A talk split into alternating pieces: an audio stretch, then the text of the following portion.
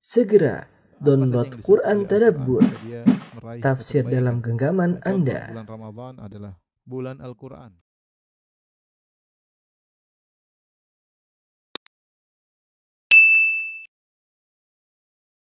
Bismillahirrahmanirrahim. Assalamualaikum warahmatullahi wabarakatuh.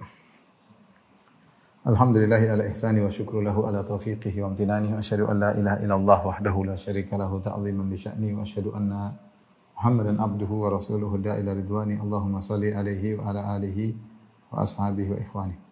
Eh, Rekan-rekan di ITB yang dirahmati Allah Subhanahu wa taala, kita lanjutkan bahasan kita dari syarah kitab tauhid.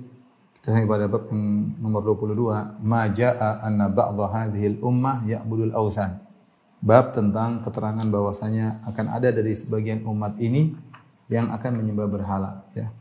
Jadi eh, Syekh Muhammad Wahab rahimahullah taala membuat judul ya akan ada dari sebagian umat ini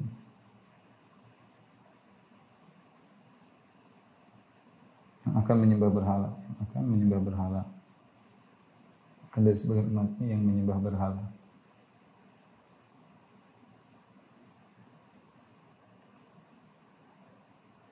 Hal di sini adalah al-awsan ya. Al-awsan. Al-awsan itu lebih umum daripada al-asnam. Kalau asnam, sonam adalah berhala dalam pada dalam bentuk patung. Kalau al-awsan ini umum ya. Umum mencakup seluruh yang disembah selain Allah. Seluruh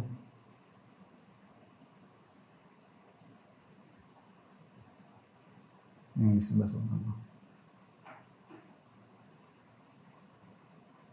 Para syurrahu kitab tauhid, para pensyarah kitab tauhid menjelaskan kenapa Syekh Muhammad Wahab membuat bab ini. Apa tujuan bab ininya? Tujuan bab ini uh, adalah untuk membantah persangkaan sebagian orang yang mengatakan tidak akan ada lagi kesyirikan. Ya. Untuk membantah orang-orang yang menyatakan tidak akan ada lagi kesyirikan. Tidak akan ada lagi kesyirikan. Sehingga mereka mencela ya, dakwah Syekh Muhammad Wahab rahimahullah dan ahlu tauhid seakan-akan kali ini berdakwah tentang tauhid tauhid syirik tauhid syirik syirik sudah tidak akan ada lagi. Ya. Mereka berdalil dengan hadis Nabi sallallahu alaihi wasallam Inna syaitan qad ayisa an ya'buduhul musallun fi jaziratil Arab. Sungguhnya syaitan telah putus asa untuk disembah oleh orang-orang yang salat di jazirah Arab. Sehingga mereka mengatakan tidak ada kesyirikan di jazirah, di jazirah Arab. Ya. Uh, kita ada tiga model manusia. Tiga model manusia. Masalah pengkafiran.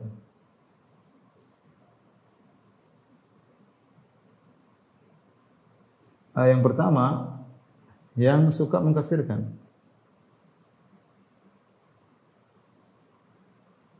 Hanya karena uh, dosa besar. Padahal bukan kekufuran. Ini adalah kelompok apa? Khawarij. Al-Khawarij atau sekarang At-Takfiriyun. Takfiriyun.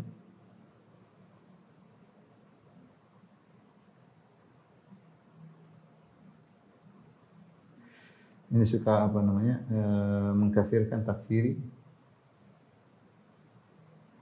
Kemudian eh, sebaliknya kelompok yang mengatakan tidak ada lagi orang Islam yang akan musyrik.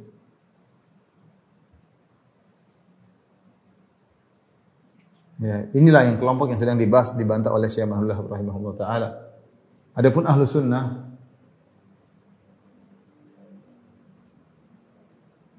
atau salafiyun atau uh, al-sunnah.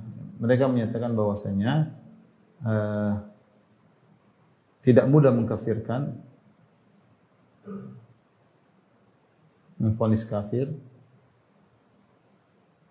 tapi akan ada akan ada orang yang kafir, orang yang murtad.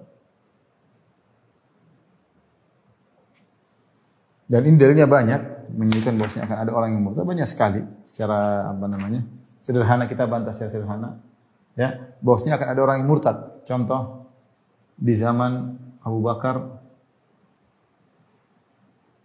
banyak yang murtad. Kan di antara kemurtadan mereka adalah dengan menolak hukum zakat. Mereka tidak mau bayar zakat. Kata mereka zakat hanya di zaman Nabi sallallahu alaihi wasallam. Khudh min amwalihim tus uh, sadaqatan tutahhiruhum kata Allah, wahai Muhammad ambillah sedekah dari mereka untuk membersihkan mereka. Ya Rasulullah yang disuruh. Setelah Rasulullah meninggal tidak ada lagi. Ini dikafirkan oleh Abu Bakar. Kemudian yang uh, murtad karena mengikuti nabi-nabi baru. Mengikuti nabi-nabi baru, nabi-nabi palsu. Seperti siapa? Seperti Musailimah Al-Kadzab, Nabi Musailimah, Al-Aswad Al-Ansi, saja ya. Uh, Nabi Tulaihah ibn Khuwailid, beberapa nabi yang, yang sudah muncul sejak zaman Nabi SAW ketika Nabi meninggal mereka semakin gencar dan orang-orang ada yang ikut berarti ada yang murtad dong ada yang murtad berarti ya. Ya. bahkan di zaman Nabi ada yang murtad ya. bahkan di zaman Nabi ada yang murtad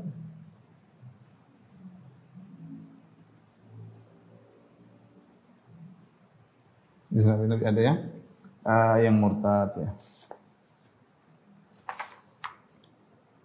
Uh, kemudian di dalam buku-buku fikih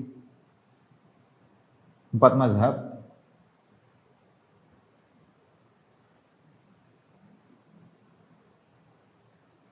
ada pembahasan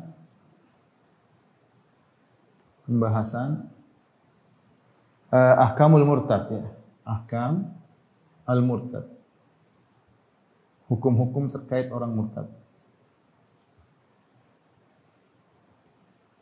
Kemudian mereka menyebutkan sebab-sebab kemurtadan dalam buku madhab syafi'i ada, dalam buku madhab maliki ada, dalam buku madhab uh, hambali ada, paling banyak dalam buku madhab hanafi. Sebab-sebabnya banyak. Sampai ada yang mengatakan, kalau kita kumpulkan perkataan fuqaha, mereka menyebutkan puluhan sebab kemurtadan. Ketika mereka membahas ahkamul murtad, menunjukkan akan ada orang Islam yang murtad, makanya dibahas permasalahan tersebut. Ya. Kemudian yang jadi masalah ini ada kelompok pertama, ya. kelompok kedua, kelompok ketiga. Jadi ahlu sunnah, ahlu sunnah mengatakan kita tidak memfonis orang kafir secara gampang, tapi akan ada yang murtad. Kalau mereka memang sudah terjerumus dalam kekufuran ya, setelah ditegakkan hujah, izalatu syubah dihilangkan syubhatnya, iqamatul hujah ditegakkan hujah dia masih ngeyel, berarti dia kafir. Bukan kita tidak seperti khawarij atau takfiriyun ya. Eh, yang mengkafir kafirkan dengan mudahnya. Ya. Dan kita juga tidak seperti orang-orang yang menyatakan tidak tidak ada orang Islam yang syirik. Ini banyak di antara mereka yang kuburiyun ya.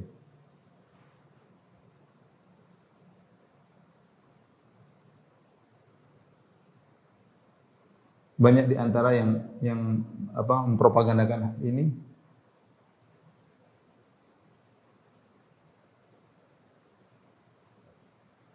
adalah kuburiyun.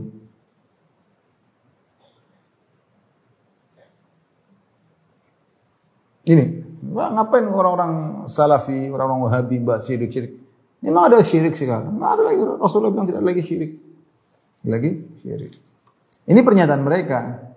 Tapi yang menakjubkan di antara mereka, ini tukang-tukang pergi ke kuburan ini, kadang-kadang minta ke kuburan, kadang minta penghuni kubur. Justru sebagian mereka mengkafirkan Wahabi.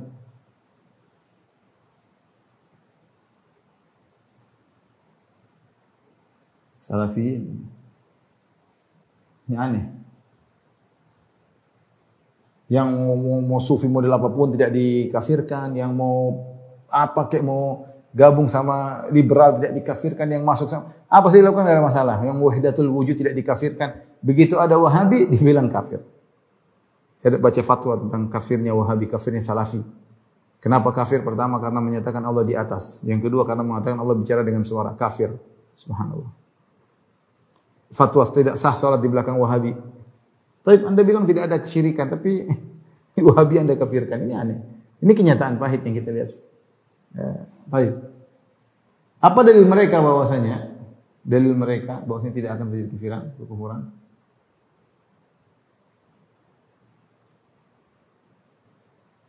Rasulullah SAW bersabda, sabda Nabi, Inna syaitan qad aisa an ya'budahul musallin fi jaziratil Arab. Artinya syaitan putus asa untuk disembah oleh orang-orang yang sholat. Di Jazirah Arab. Akan tapi walakin fi tahrishi bainahum akan tapi setan tetap saja mengadu domba di antara kalian. Kata mereka jelas setan sudah putus asa. Setan putus asa berarti tidak akan terjadi kesyirikan. Ya, bantahannya mudah. Bantahannya kita makan pertama ini kan Allah Nabi mengkhabarkan tentang hati syaitan.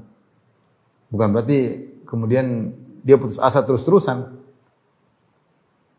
Ya, dia pernah putus asa karena melihat orang-orang masuk dalam Islam berbondong-bondong di zaman Nabi Shallallahu Alaihi Wasallam. Ya, ya ini yang pertama. Tapi kemudian persangkaan dia eh, putus asa tersebut tidak berlanjut. Dia terus habis itu bekerja keras ya. Buktinya setan menggoda sampai hari kiamat. Dia itu tidak. Kalau dia putus asa zaman Nabi tidak sudah putus asa tidak menggoda lagi. Kalau dia tidak menggoda lagi kita sudah selesai. Aman. Buktinya dia semakin jengkel. Dia hanya sekedar sekejap dia putus asa. Setelah itu dia menggoda lagi sampai hari kiamat dia menggoda. Ya.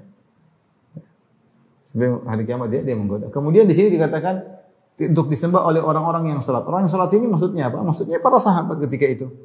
Bukan semua orang yang sholat. Kita dunia ini ada orang yang sholat murtad. Ada kenyataan. Ya. Seperti itu ya. Uh, jadi ini dijadikan dalil oleh mereka. Bilang yang, yang untuk disembah di Arab, di Arab maksudnya orang orang-orang uh, para sahabat yang mereka sholat. Kemudian Nabi juga mengatakan di Jazirah Arab. Taruhlah hadis ini tidak ada kesyirikan Jazirah Arab, tapi akan dibantah, tetap ada. Ya kalau begitu di luar Jazirah Arab seperti Indonesia jelas tidak tidak tidak masuk dalam hadis ini, tidak masuk dalam hadis hadis ini. Intinya ini eh, sebab kenapa sebab utama kenapa dibahas sebab ini untuk membantah orang-orang yang mengatakan bahwasanya buat apa kalian dakwah tauhid tidak ada gunanya karena uh, kesyirikan sudah tidak akan ada muncul kembali. Tapi kita akan bahas, win.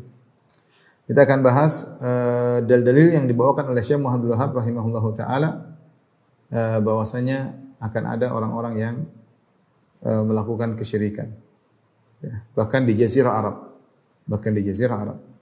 Tapi yang pertama, saya bawakan tidak urut, saya bawakan hadis yang pertama sebagai pacuan kita atau acuan kita sebagai acuan kita dalam pembahasan berikutnya.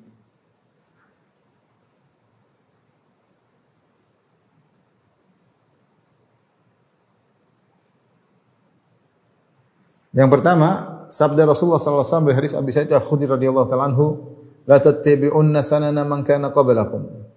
Hadzwal qudzati bil qudzah, hatta law dakhalu juhra dabbin la dakhaltumuh. Kata Nabi SAW, "La tattabi'unna." Itu demi Allah kalian benar-benar akan mengikuti dalam taukid ada nun taukid. La tattabi'unna, kalian sungguh-sungguh benar-benar ya, akan mengikuti langkah-langkah atau sunnah-sunnah tradisi-tradisi orang-orang sebelum kalian.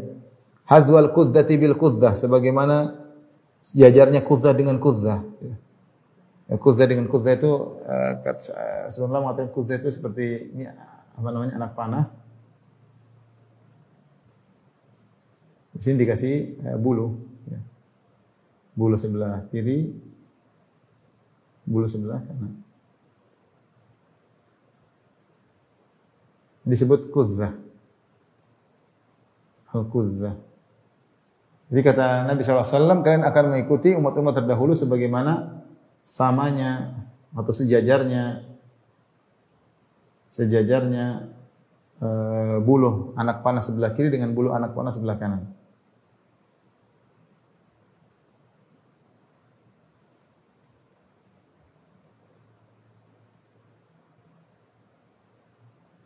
Sebelah kiri dengan bulu anak panah sebelah kanan.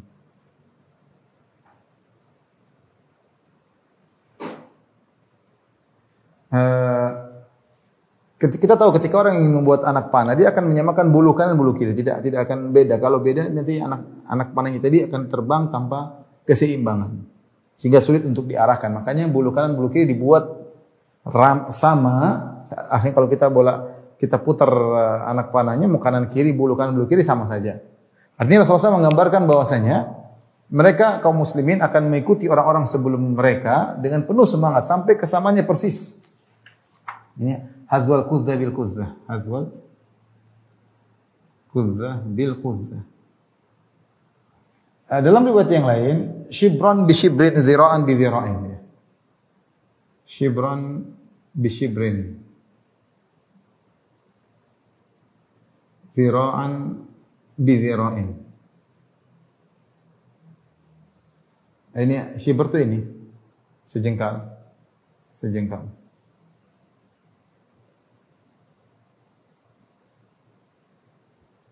Kalau zira sehasta. Maksudnya sama, ini salah penerjemahan. Diterjemahkan uh, sejengkal demi sejengkal. Demi sejengkal. Sehasta demi sehasta.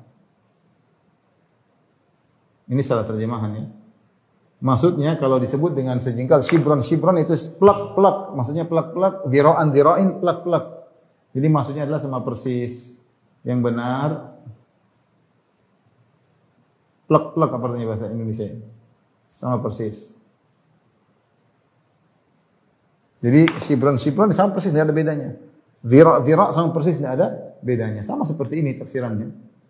Sama dengan yang ini, tidak ada bedanya. Jadi Rasulullah SAW menyebutkan tentang ujung dari eh, pengikutan kaum muslimin terhadap orang-orang terdahulu. Sama persis. Sampai Rasulullah SAW mengatakan, hatta lau dakhalu juhra dhabbin, kalau mereka masuk orang tersebut masuk dalam lubang dhab, la dakhaltumu, kalian akan semangat masuk mengikuti orang tersebut. Mereka masuk akan diikuti. Para sahabat berkata, Al-Yahud wan Nasara maksud Anda ya Rasulullah yang orang-orang akan diikuti oleh kaum muslimin adalah Yahudi Nasara. Kata Nabi wasallam, "Faman idzan?" Siapa lagi kalau bukan mereka? Dalam riwayat yang lain, al-Furs al, al, al, Rum, ya. Apakah Persia Romawi kata Nabi sallallahu alaihi wasallam? Faman siapa lagi kalau bukan kalau bukan mereka? Wa minan wa minan wa manin nasi illa ulaik. Wa manin nas wa manin nasu illa ulaik. Wa manin nasu illa ulaik. Siapa lagi kalau bukan mereka? Jadi disebutkan kita akan mengikuti mengikuti umat-umat terdahulu. semangat ya. Umat terdahulu di situ ada dua, Yahudi dan Nasara. Yang kedua adalah Persia dan Romawi.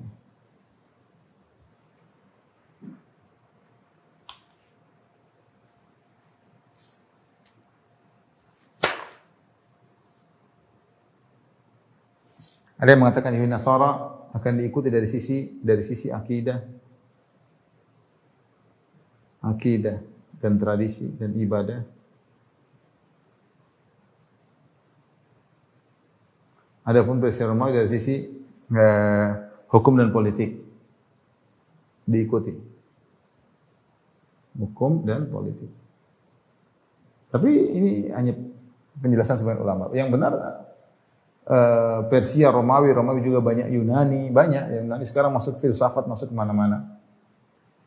Tapi ini menunjukkan semangatnya kaum muslimin untuk mengikuti orang-orang terdahulu. Bahkan kalau masuk lubang dop, kenapa disebut lubang dop? Karena lubang dop ini lubang yang sudah jorok, kemudian sempit, kemudian berkelak-kelok, sulit untuk dimasuki. Lubang cuma satu, tidak lubang masuk, lubang keluar. Jadi lubang masuk itulah lubang keluar juga. Jadi masuk keluar lagi sulit. Artinya kalau ada orang yang nekat masuk lubang yang sesulit itu akan diikuti oleh kaum muslimin. Karena mereka benar-benar plek-plek ketika meniru-niru. Makanya apa pun dilakukan oleh Yahudi Nasara, pasti ada orang Islam yang mengikuti apa pun.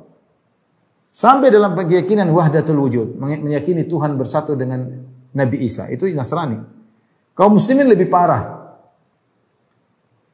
Lebih parah meyakini bahwasanya Allah bersatu dengan alam semesta, madzhab wahdatul wujud. Kalau Nasara hanya membatasi Allah dengan Nabi Isa, madzhab wadatul wujud mengeneralkan bukan hanya Allah bersatu dengan Nabi Isa tapi bersatu dengan makhluk-makhluk juga yang yang lainnya. Ini lebih parah daripada uh, Nasara ya. Kalau orang Yahudi menghalalkan riba, orang Islam juga menghalalkan riba, ya. macam-macam. Ya. Tapi ini landasan bahwasanya acuan kita bahwasanya uh, kalau sehingga sehingga kalau orang musyrikin, orang Yahudi Nasara melakukan kesyirikan, akan ada orang Islam yang mengikuti. Akan ada orang Islam yang mengikuti. Semuanya. Terakhir saya lihat masalah hari Christmas ya. Sebagian subhanallah sebagian ulama dari ya bukan ulama tapi ya, disebut ulama ya, di luar negeri mengatakan bahwasanya kita tidak apa-apa Christmas Sebagaimana kita bermaulid dengan maulid Nabi SAW, kita bermaulid dengan maulid Nabi Isa alaihissalam. Ajib. Merry Christmas bukan hanya uh, bukan hanya diharamkan, bahkan disunahkan jadi sunnah. Ajib saya baca ini ulama ini ulama apa kayak gini. Jadi dianjurkan sebagaimana mereka meyakini bahwasanya maulid Nabi Muhammad SAW sunnah, mereka berdalil dengan maulid Nabi untuk maulid Nabi Isa. Ini maulid Nabi Isa kita tahu tanggal lahirnya maulidan aja maulid Nabi Isa. Jadi bukan lagi haram makruh malah malah dianjurkan. Allah musta'an. Semua diikuti, semua di, diikuti. Dan Maulid Nabi adalah bentuk uh, tasyabuh dengan Nasara dari sisi merayakan kelahiran Nabi Isa alaihissalam. Taib, kita lanjutkan dalil yang kedua. Inti dari dalil ini, kalau Nabi mengabarkan kita bakalan mengikuti orang-orang musyrikin, nah kalau mereka melakukan kesyirikan pasti ada yang ikut di antara di antara kita. Pasti ikut di antara di antara kita. Dalil kedua dalam surat An-Nisa ayat 51. Alam tara ila alladziina utu nasiban minal kitabi yu'minuna bil jibti wat wa yaquluna lil ladzina kafaru haula'i ahda minal ladzina amanu sabila. Tidakkah kamu memperhatikan orang-orang yang diberi bagian dari Alkitab, maksudnya orang Yahudi? Tidakkah kalian lihat orang-orang Yahudi? Yu'minuna bil jibti wat taghut. Orang-orang Yahudi tersebut beriman kepada al-jib dan taghut. Al-jib itu maksudnya uh, sihir atau gut maksudnya setan. Wa yaquluna lil ladzina kafaru dan mereka orang Yahudi tersebut berkata kepada orang musyrikin Mekah, haula'i ahda minal ladzina amanu sabila. Kalian orang musyrikin Arab, orang-orang musyrik Mekah lebih benar jalannya daripada orang-orang beriman daripada pengikut Muhammad. Daripada pengikut Muhammad. Jadi ayat ini menjelaskan tentang uh, sifat Yahudi yang mudahanah, yaitu berbahasa basi sampai mengatakan kebatilan demi menyenangkan orang lain, membenarkan yang batil. Eh, ketika orang-orang uh, Yahudi dipimpin oleh Huyai bin Akhtab dan Ka'ab bin Ashraf, mereka datang dari Madinah pergi ke Mekah untuk memprovokasi orang-orang Mekah, Quraisy untuk menyerang kota Madinah yang ketiga kali dalam perang Khandaq. Jadi mereka ini beberapa orang Yahudi provokasi ke mana-mana Sampailah mereka mengajak orang-orang Quraisy untuk menyerang kembali kota Madinah dalam perang Khandaq, maka orang-orang Quraisy ya pingin tas mereka. Orang-orang kafir Quraisy berkata, "Mana yang lebih baik? Kami ataukah Muhammad?" Kami ataukah agama Muhammad? Maka mereka berkata, "Kalian lebih baik daripada Muhammad. Muhammad suka memutuskan silaturahmi, kalian tidak." Padahal orang Yahudi tahu Muhammad itu kebenaran. Tapi demi untuk melegalkan apa yang mereka hendak tuju, tuju, tujui, maka mereka menghalalkan menyatakan kaum musyrikin lebih buruk, lebih baik daripada kaum muslimin. Padahal mereka tahu penyembahan berhala adalah buruk. Ini adalah kaidah orang Yahudi, al-ghayah tubarirul wasilah. Tujuan menghalalkan segala cara, tujuan menghalalkan segala segala cara. Akhirnya Allah tegur kata Allah, "Alam tara ila alladziina utu nasiban minal kitab." Tidak kalian lihat orang yang diberi bagian dari Alkitab maksudnya orang Yahudi. Yu'minuna bil jibti wa tagut. Di antara ciri-ciri mereka beriman kepada jibt, kepada sihir, wa tagut beriman kepada duk, kepada setan atau kepada dukun. Wa yaquluna lil ladzina kafaru. Dan mereka berkata kepada orang kafir Quraisy, haula'i ahda minal ladzina amanu sabila. Kalian ini lebih baik daripada Muhammad. Muhammad memutuskan rahmi kalian tidak. Padahal mereka tahu bahwasanya Muhammad lebih baik. Bahkan mereka menunggu-nunggu kedatangan Nabi Muhammad SAW. Hanya saja Nabi Muhammad SAW bukan dari ras mereka. Akhirnya mereka tidak tidak beriman. Tapi apa sisi pendalilan ayat ini? Sisi pendalilannya mudah. Allah Subhanahu wa taala menyebutkan sifat orang-orang Yahudi ya, yu'minuna bil jibti wa tagut. Mereka beriman kepada sihir dan syaitan. Tagut syaitan, tagut juga dukun. Nah, kalau Allah menyatakan bahwasanya ada ahlul kitab, Yahudi atau Nasrani yang beriman kepada sihir, maka akan ada umat Islam yang mengikuti karena sudah kasih kita mukadimah Rasulullah mengabarkan mereka akan mengikuti orang-orang musyrikin seperti sama persis seperti uh, tangan kanan tangan kiri uh, hasta kanan dengan hasta kiri sampai kalau mereka masuk lubang tutup akan ada yang ikuti artinya semangat untuk mengikuti orang terdahulu sangat besar pada kaum ini. Ya, pada kaum kaum ini. Makanya ada sebagian, saya baca makalah yang mengatakan seluruh penyimpangan kaum Nasrani dan Yahudi akan ada umat Islam yang mengikuti. Dan ada penyimpangan umat Islam yang tidak diikuti oleh Yahudi Nasara. Tapi asal muasal penyimpangan yang ada pada Yahudi Nasrani diikuti oleh orang-orang Islam. Banyak kalau kita mau sebutkan contoh-contohnya. Ya. Uh, agama agama Islam yang terkontaminasi dengan terkontaminasi dengan Nasara. Nah, ketika Allah menyebutkan bahwasanya yu'minuna bil jibti wa tagut, mereka beriman kepada sihir dan tagut. Tagut bisa artikan syaitan, tagut bisa artikan dukun. Maka akan ada orang Islam yang mengikutinya dan sudah mengikutinya. Ya. Siapa? Berapa banyak umat Islam percaya sama sihir? Betapa banyak umat Islam yang datang kepada dukun? Betapa banyak umat Islam mengikuti syaitan. Ini semuanya adalah tradisi Yahudi yang diikuti oleh kaum muslimin. Dalil yang ketiga. Qul hal unabbi'ukum bi syarri min dzalika mathubatan indallah. Ingat pembahasan kita adalah membuktikan bahwasanya akan ada orang-orang melakukan kesyirikan. Sehingga kita dakwah tauhid harus gencar. Jangan kita termakan propaganda yang mengatakan tidak lagi orang musyrik, ada. Enggak ada, sudah, enggak usah ngapain dakwah tauhid intinya memecah belah umat, enggak perlu, enggak perlu, enggak ada lagi kesyirikan. Di antara dalil membantah akan hal ini firman Allah Subhanahu wa taala surat Al-Maidah 60 Kul hal unabbiukum bi syarri min dzalika masubatan indallah. Maka aku kabarkan kepada kalian tentang orang-orang lebih buruk pembalasannya dari orang-orang fasik di hadapan Allah. Man la'anahu Allah. Siapa orang yang paling buruk ini adalah orang yang dilaknat oleh Allah. Wa ghadiba alaihi dan dimurkai oleh Allah. Wa ja'ala minhumul qiradatal khanazir dan mereka dijadikan sebagian mereka oleh Allah jadi monyet-monyet dan babi-babi wa abadat tagut dan ciri-ciri mereka menyembah tagut. Ulaika syarrum makana wa adallu an sawa'i sabil. Mereka adalah umat yang terburuk kedudukannya dan paling sesat dari jalan yang lurus. Ini adalah uh, apa namanya? Kembali lagi Allah menyebutkan tentang sifat-sifat Bani Israel, sifat Yahudi. Yahudi itu sifat-sifatnya adalah wa abadat tagut, mereka beribadah kepada tagut. Nah, kalau Allah sudah sebutkan sifat Yahudi, beribadah kepada tagut akan ada dari umat Islam yang seperti itu. Percaya kepada dukun, tukang sihir dan yang lainnya. Dan uh, dan yang lainnya. Orang-orang Yahudi ya mereka sombong ketika ketemu Nabi SAW kata mereka kami adalah sya'bullahil mukhtar. Kami adalah golongan yang terpilih oleh Allah Subhanahu wa taala. Ya. Dan mereka memuji-muji ras mereka terutama dalam kitab Talmud. Mereka menganggap bahwasanya manusia yang diciptakan selain mereka kedudukannya seperti hewan. Cuma mereka diciptakan mirip manusia bentuknya agar bisa melayani orang-orang Yahudi. Mereka meyakini ya eh, seperti itu. Jadi mereka menganggap mereka adalah yang terbaik. Maka Allah bantah, Allah suruh Nabi membantah. Kul hal unabbi'ukum bisyarri min dzalik. Mau aku kabarkan lebih buruk daripada ini semua? Yaitu nenek moyang kalian. Man la'anahullah. Nenek moyang kalian dulu ada yang dilaknat oleh Allah. Wa ghadiba alaihi dimurkai oleh Allah. Wa ja'ala minhumul qiradah wal khanazir. Di antara ini moyang kalian ada yang dijadikan el qiradah, el qiradah yaitu monyet wal khanazir babi-babi. Di antara sifat mereka di adalah wa abadat tagut. Mereka itu menyembah tagut. Jadi uh, kita tahu kisah bagaimana kaum Yahudi berubah menjadi uh, monyet ya.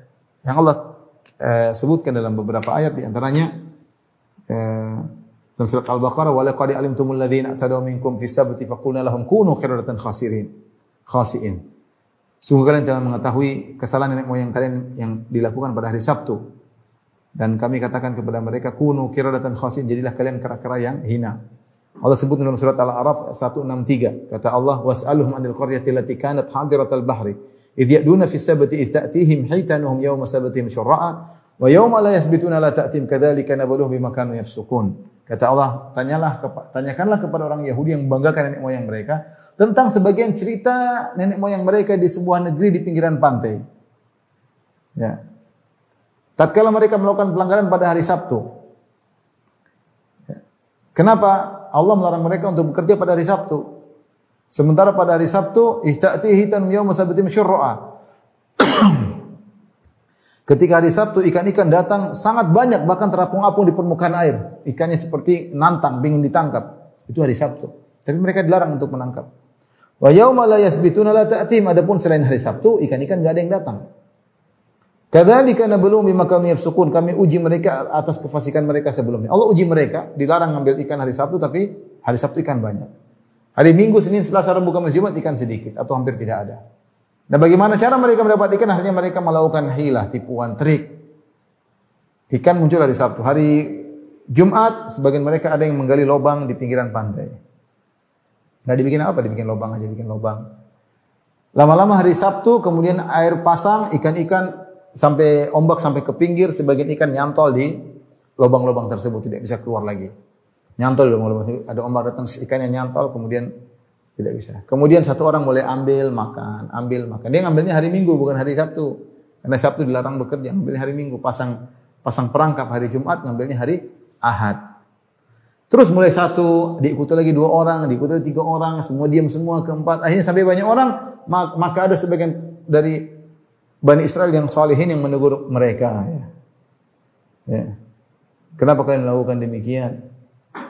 Ya. Intinya mereka ngeyel, akhirnya mereka dirubah menjadi monyet-monyet dan babi-babi. Di babi-babi. Ini kata Allah, uh, man la'anahu Allah ghadiba alaihi wa ja'ala minhumul kiratul khanazir wa abada tagut mereka kemudian berubah menjadi monyet babi. Tapi monyet-monyet babi tersebut tidak ada keturunannya, tidak ada keturunannya. Bisa baca kisahnya dalam tafsir Ibnu Katsir ya, kisah yang panjang tentang hal ini. Intinya Allah rubah mereka jadi monyet karena mereka uh, melakukan suatu ke ke keburukan yang sangat mirip dengan kebaikan. Mereka suka melakukan hilah, trik untuk penghalalan padahal hukumnya haram. Ya. Apa namanya? Padahal hukumnya haram. Contohnya seperti trik ini. Bagaimana mengambil ikan, pasang pasang perangkap hari Jumat, ngambilnya hari Ahad. Hari Sabtu enggak kerja. Tapi lihat tujuannya, tujuannya ketahuan oleh Allah Subhanahu wa taala. Sehingga karena mereka menampilkan satu kebatilan yang sangat mirip dengan kebenaran, kebatilan tersebut hilah, trik yang sangat mirip dengan kebenaran padahal dia kebatilan, maka sebenarnya mengatakan Allah merubah mereka menjadi monyet karena monyet adalah makhluk yang sangat mirip dengan manusia tapi bukan manusia.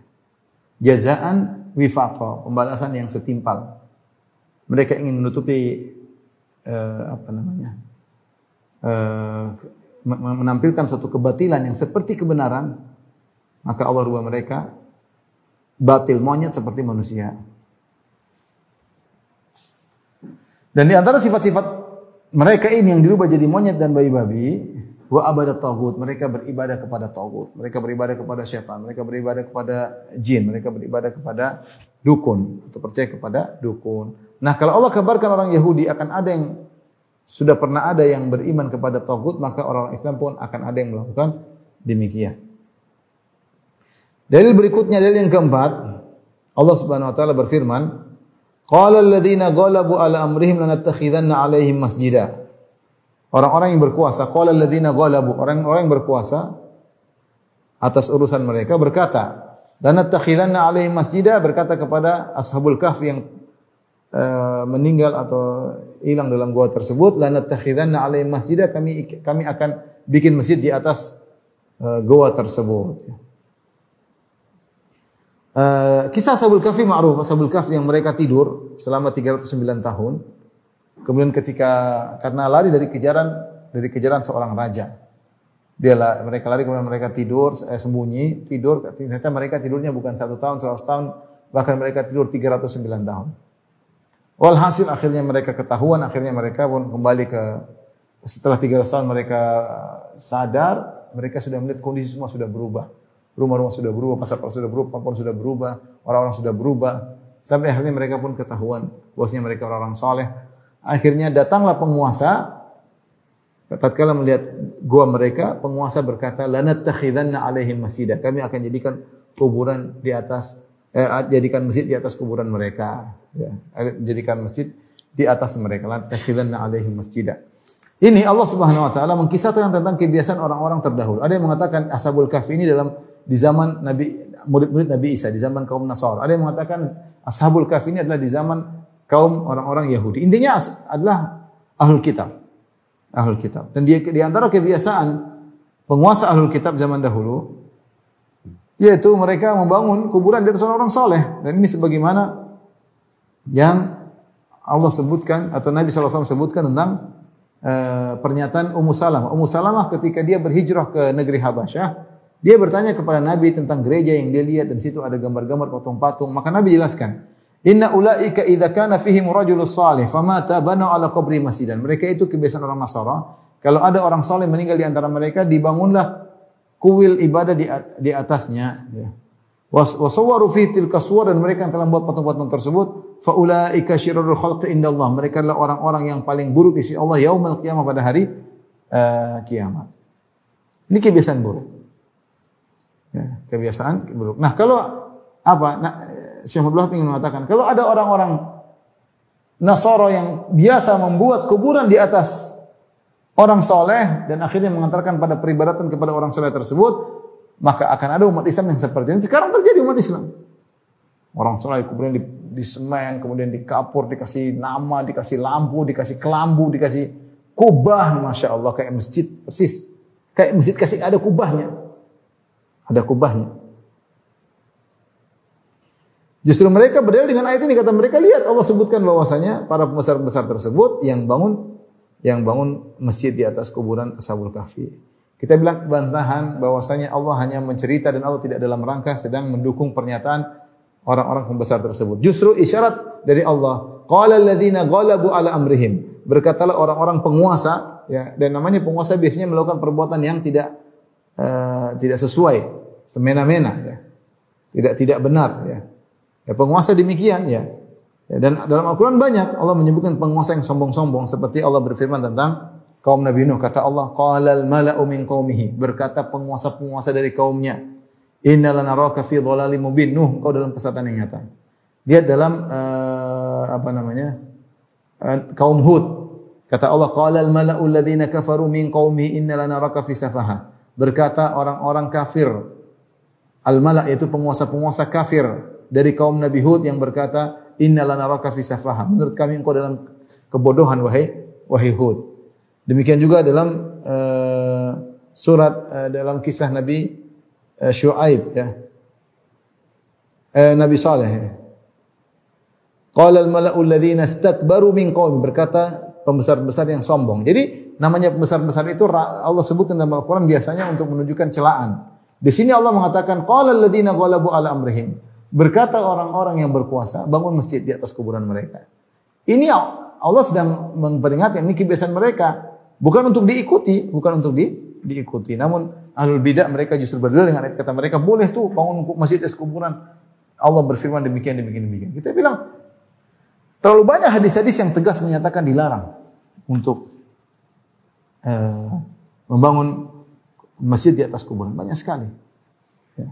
Dan ini kebiasaan orang-orang Yahudi Nasara.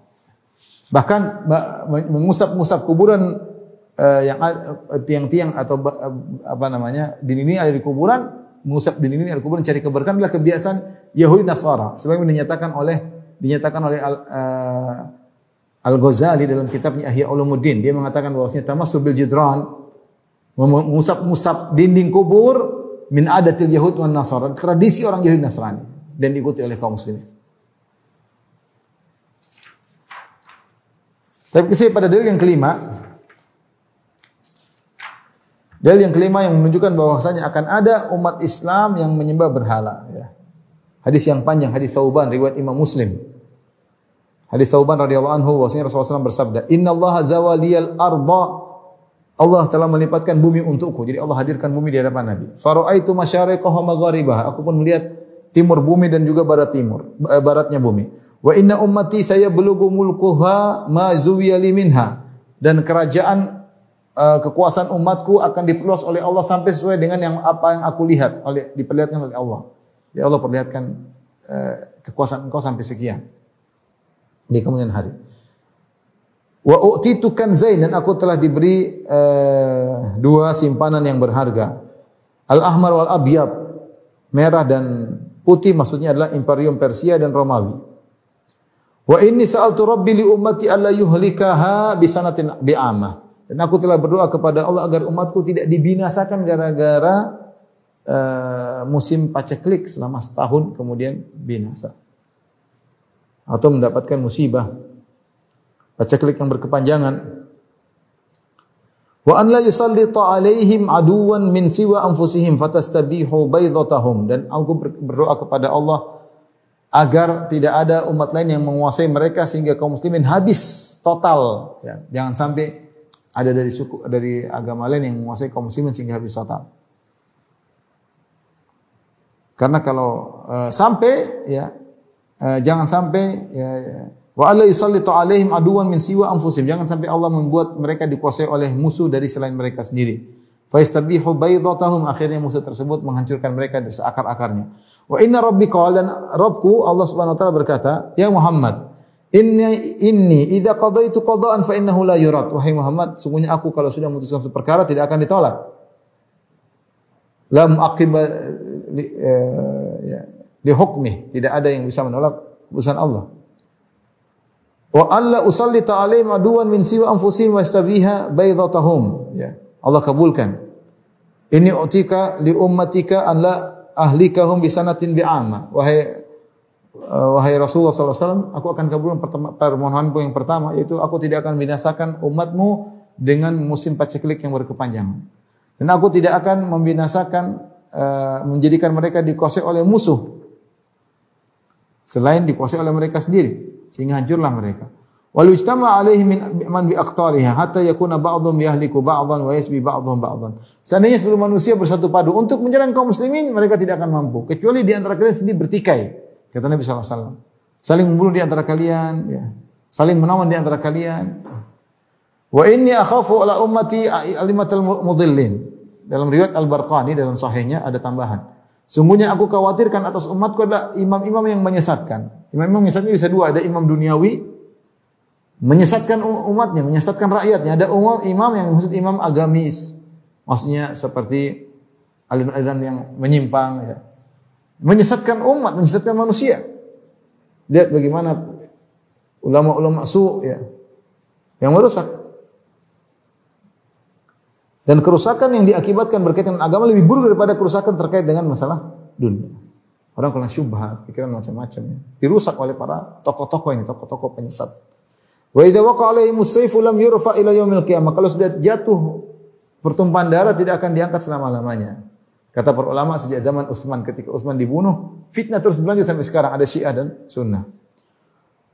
Wala taqumu sa'ah, perhatikan tidak akan tegak hari kiamat hatta yalhaqa hayyun min ummati bil musyrikin. Tidak akan tegak hari kiamat sampai ada sekelompok dari uh, apa namanya dari umatku yang mengikuti orang musyrikin. Mengikuti agama mereka atau ikut pindah rumah dengan mereka.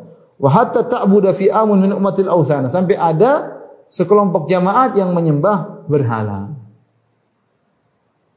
menyembah berhala atau menyembah sesembahan selain Allah. Jadi Nabi mengabarkan akan ada orang musyrik. Kemudian Nabi mengatakan wa inna sayakunu fi ummati kadzabun thalathun. Sungguhnya akan dari umatku ada 30 pendusta. Kulluhum yasumu annahu nabi. Masing-masing mengaku mereka sebagai nabi. Wa ana khatamun nabi, aku penutup para nabi. La nabiyya ba'di dan tidak ada nabi setelahku. Wala tazalu ta'ifatun min ummati 'alal haqqi mansura. Senantiasa sekelompok dari umatku yang berpegang teguh di atas kebenaran pasti akan ditolong. Wala yadhurru man khadalahum dan mereka tidak akan tersiksa ketika ada orang meninggalkan mereka. Walaman khalafahum demikian juga mereka ya tidak akan dapat mudarat terhadap orang-orang menyelisih mereka. Hatta ya'tiya amrullah tabaraka wa taala sampai Allah mendatangkan keputusannya.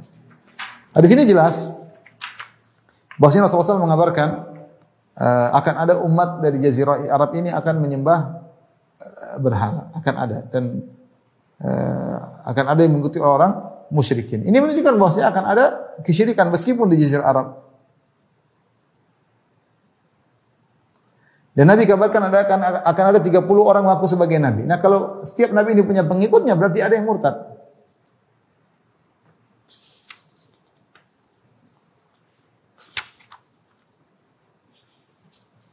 Tadi kata Nabi, la taqumu sa'ata yallahu hayyun min ummati bil musyrikin. Tidak tegak hari kiamat hingga ada di antara umatku yang mengikuti orang-orang musyrik. Mengerikan. Kemudian kata Nabi wa hatta ta'budu fi awin ummatil ausan dan sebagian orang lain kelompok besar akan menyembah berhala.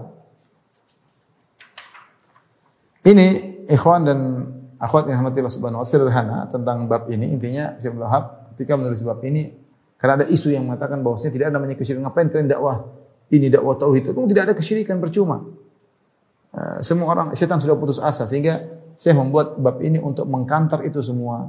Bahwasanya kesyirikan terus akan ada Selama setan belum uh, mati, iblis belum mati, dia akan menyuruh kepada kesyirikan. Kata dosa yang paling besar, dosa yang paling dibenci oleh Allah, dosa yang bisa mengekalkan seorang dalam neraka jahanam menemani uh, iblis ya. Jadi eh, tetap saja kita berdakwah tauhid sebagaimana Nabi SAW menutup celah-celah tauhid kita juga berdakwah tentang apa? Eh, tauhid. Tapi demikian saja kajian kita. Ikhwan ikhwan rekan-rekan di TV yang dirahmati Allah Subhanahu Insyaallah kita lanjutkan pada kesempatan yang lain. Kurang lebih saya maaf. Wabillahi taufiq wal hidayah. Assalamualaikum warahmatullahi wabarakatuh.